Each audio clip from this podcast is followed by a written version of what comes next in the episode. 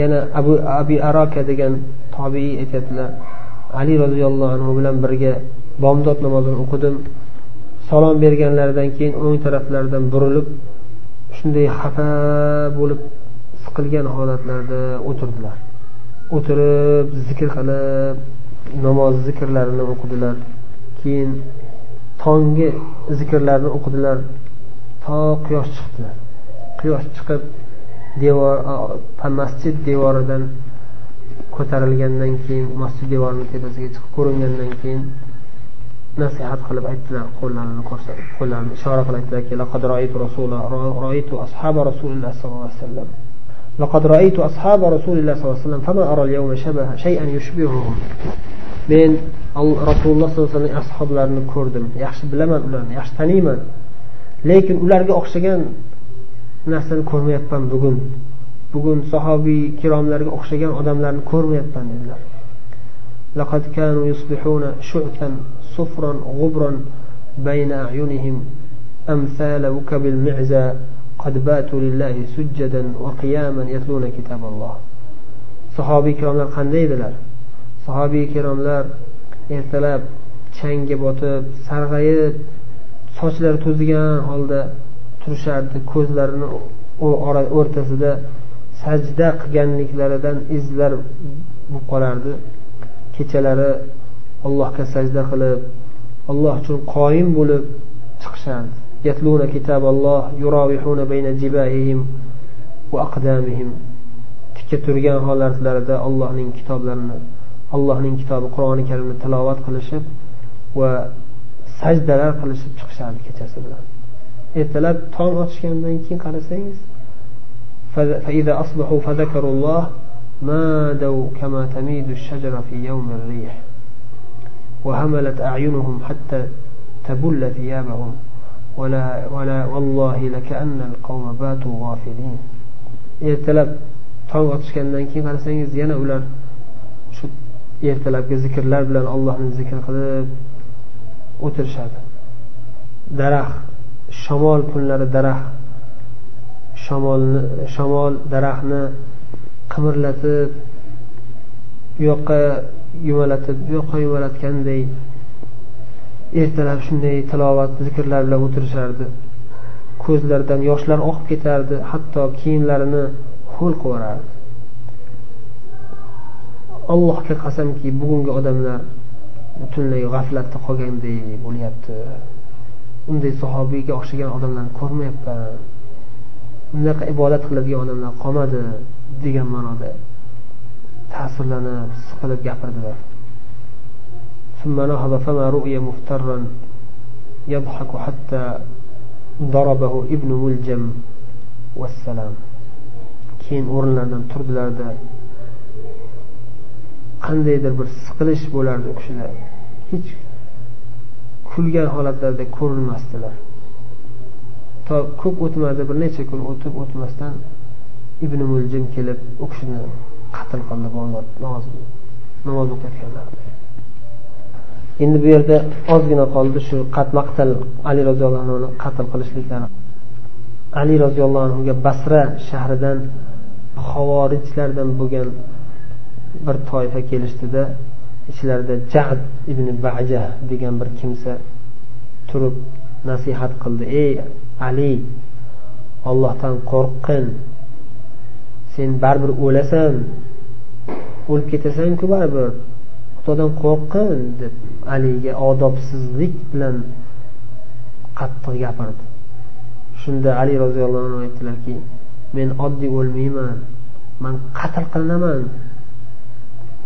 men qatl qilinaman dedilar ضربة على هذا تخضب هذه يعني لحيته من رأسه mana bo'ynimga bir zarba qilich zarbasi tegadida mana bu soqolimni bo'yab tashlaydi ya'ni qon bilan soqolim qon bilan bo'yaladi deb ko'rsatdilar ahdun mahud va'da berilgan va'da bu o'zgarmaydi qaloun maqdi Taqdirda yozib qo'yilgan narsa bu o'zgarmaydi. Yolg'ondan gapirgan odamlar o'ziga o'zi ziyon qiladi. Men yolg'ondan gapirayotganim yo'q. Bor narsani aytyapman. Men oddiy o'lib ketmayman qatl qilinaman dedilar. Keyin u odam alini kiyib olgan kiyimlarini ayblab qanaqa kiyim kiyyapsiz kiyib yuribsiz deb o'zicha tanqid qildi. Keyin shunda u kishi aytdilarki havorijlarga qarab bu kiyimga sizlar nima g'ashinglar kelyapti?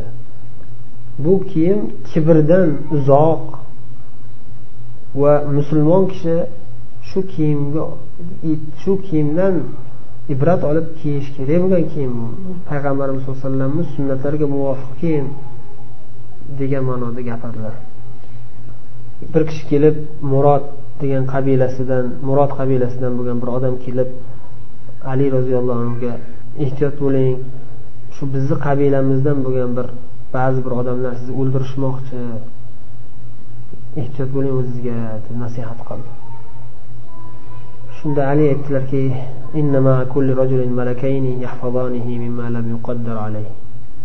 har bir odamni yonida ikkita ikkita farishtasi bo'ladi. Alloh taolo taqdirda qat'iy yozilmagan yozib qo'ymagan musibatlardan saqlab yurishadi qadar kelsa taqdirda yozilgan narsa vaqti kelgandan keyin bu ikkita farishta allohning buyrug'i bilan chetga chiqishadi. Bu taqdirda yozilgan narsa bilan bu odamni orasiga aralashishmaydi.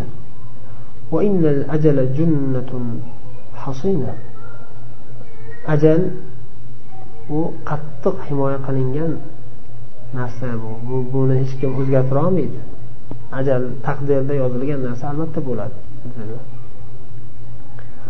siyrat ulamolari aytishadiki abdurahmon ibn muljim بالكوفة يوم الجمعة لثلاث عشرة بقيت من رمضان ibn muljim kufa shahrida ali roziyallohu anhuni qilichi bilan urdi O'sha kuni juma kuni edi. Ramazonni oxirgi o'n uch kuni qolgandi. Ya'ni o'n yettinchi ramazonda shahid bo'ldilar. Ya ba'zi bir rivoyatlarda yigirma birinchi ramazonda shahid bo'ldi deyishgan ekan. Lekin muttafaq ittifoq bo'lgan sanasi qirqinchi yilda shahid bo'ldilar. Keyin qirqinchi yil o'sha bu kishini o'sha ibn muljim degan xorijiy haruriy kimsa urganda yaralanib yaralandilar. Darrov vafot qilmadilarda juma kuni bomdodda urgan bo'lsa juma va shanba kuni ikki kun bo'ldilar. Uchinchi e, keyingi ikkinchi kecha bozor kechasi bozor kuni yakshanba kuni kechasi vafot qildilar. Vafot qilganlaridan keyin o'g'illari hasan husayn va jiyanlari abdulloh ibn jafar o'zlari yuvishdi ali roziyallohu anhu yuvishda uchtalar qatnashdida hasan roziyallohu anhu keyin janozalarini o'qidilar. Tong ertalab bomdoddan oldinroq e, yakshanba kuni bomdoddan oldinroq dafn qilindilar. Necha yoshda edilar vafot qilgan paytlari? Bu ham ixtilofli masala. Necha yoshda vafot qilganliklari bir necha qavlga bo'lingan. Ba'zilar oltmish uch yoshda vafot qildilar deyishsa boshqalar oltmish besh yoshda ba'zilar ellik yetti yoshda deyishgan. Jafar ibn muhammad jafar sodiq ibn muhammad al boqir ali roziyallohu anhu nabiralaridan u kishi aytadilar ellik sakkiz yoshda vafot qilganlar. Ali roziyallohu anhu. Keyin u kishidan keyin o'g'illari hasan roziyallohu anhu ham ellik sakkiz yoshda vafot qilganlar. Keyin u kishidan keyin husayn roziyallohu anhu ham ellik sakkiz yoshlarida qatl qilinganlar. Va u kishini o'g'illari ali ibn husayn ham ellik sakkiz yoshda vafot qilgan ekanlar. Keyin husaynni qizlari fotima degan qizlari bo'lgan ekan. Ya'ni ali roziyallohu anhu nabiralaridan birlari fotima rohimaulloh ular ham ellik sakkiz yosh ellik sakkiz yoshda vafot qilgan ekanlar. Endi allohu alam bu endi tasodifiy holat bo'ladi. Ba'zi bir rivoyatlarda keladiki ali roziyallohu anhu va tolha roziyallohu anhu va zubayr roziyallohu anhu ular hammalari shu bir yoshda teng yoshda vafot qilishgan ekan. Hop shu bilan bu kitobdagi zikr qilingan ali roziyallohu anhuni siyratlari va ba'zi bir hikmatli so'zlari nihoyasiga yetadi. Allohu alam va sallallohu vasallam ala nabiyina muhammad. Assalomu alaykum va rahmatullohi va barakatuh. Bismillahi rohmanir rohim bu yerda ba'zi birodarlarimizdan savollar yozilgan ekan.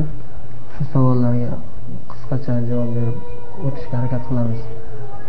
Ehm, abdulaziz degan birodar bu yoqdan alohida xat yozib aytyaptilarki ehm, hazrati ali roziyallohu anhuning suhbatdoshlari ya'ni kumayl ibn ziyodni sahroga olib chiqib dars berishlarida juda ham katta hikmatlar bo'lishi kerak.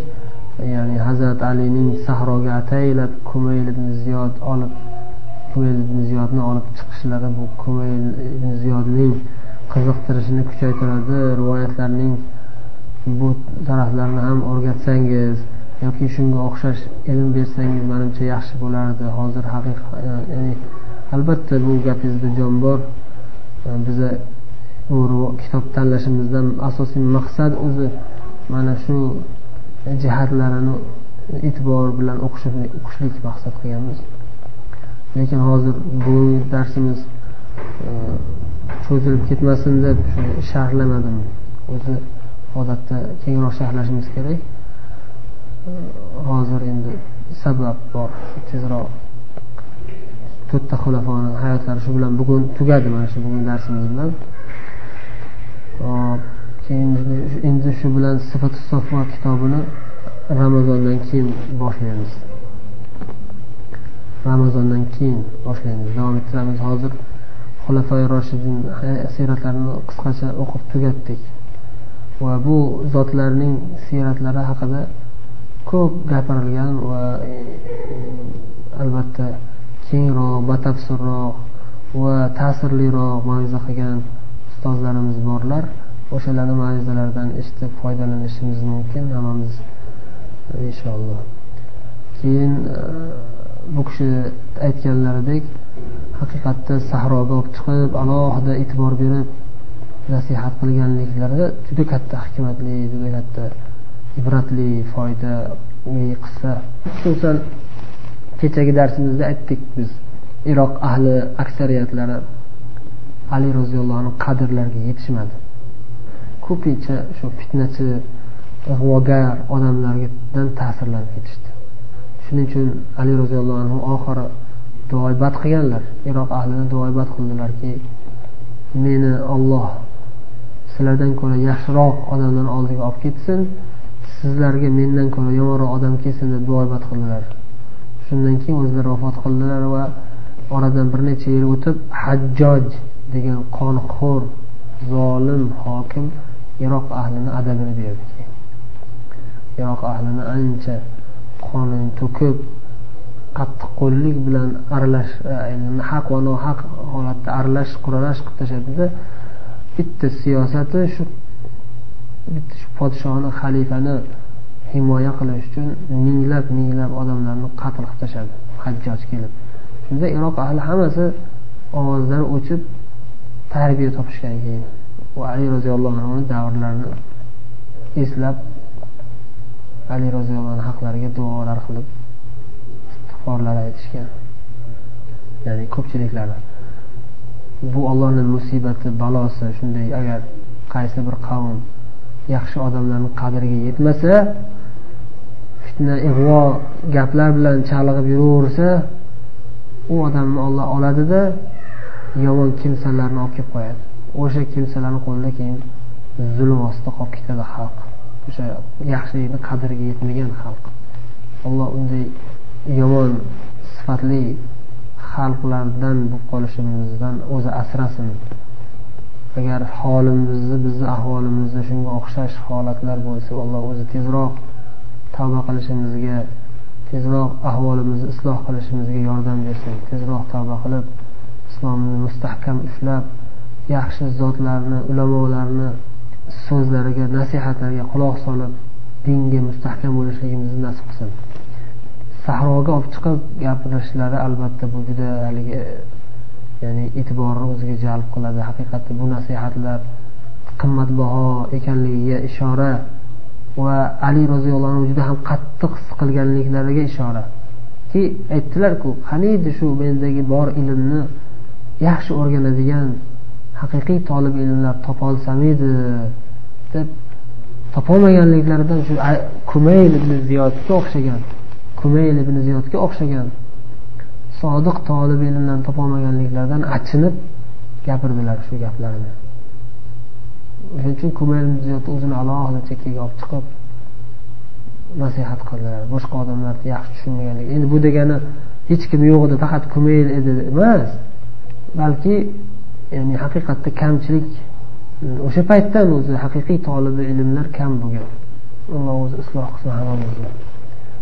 Yana bu yoqda tepada bir birodarimiz adashmasam afg'oniston hamshaharliklaridan birlari so'rayaptilar ilm ahli bilan haqiqat ahli boshqa boshqami ilm ahli bilan haqiqat ahli boshqa boshqa ilm haqiqiy ulamolar o'sha haqiqat ahli bo'ladi. Lekin ahli haq degan gap umumiyroq ya'ni omi musulmon bo'lsa ham omi oddiy bir musulmon bo'lsa ham inshaalloh ahli haq bo'ladi.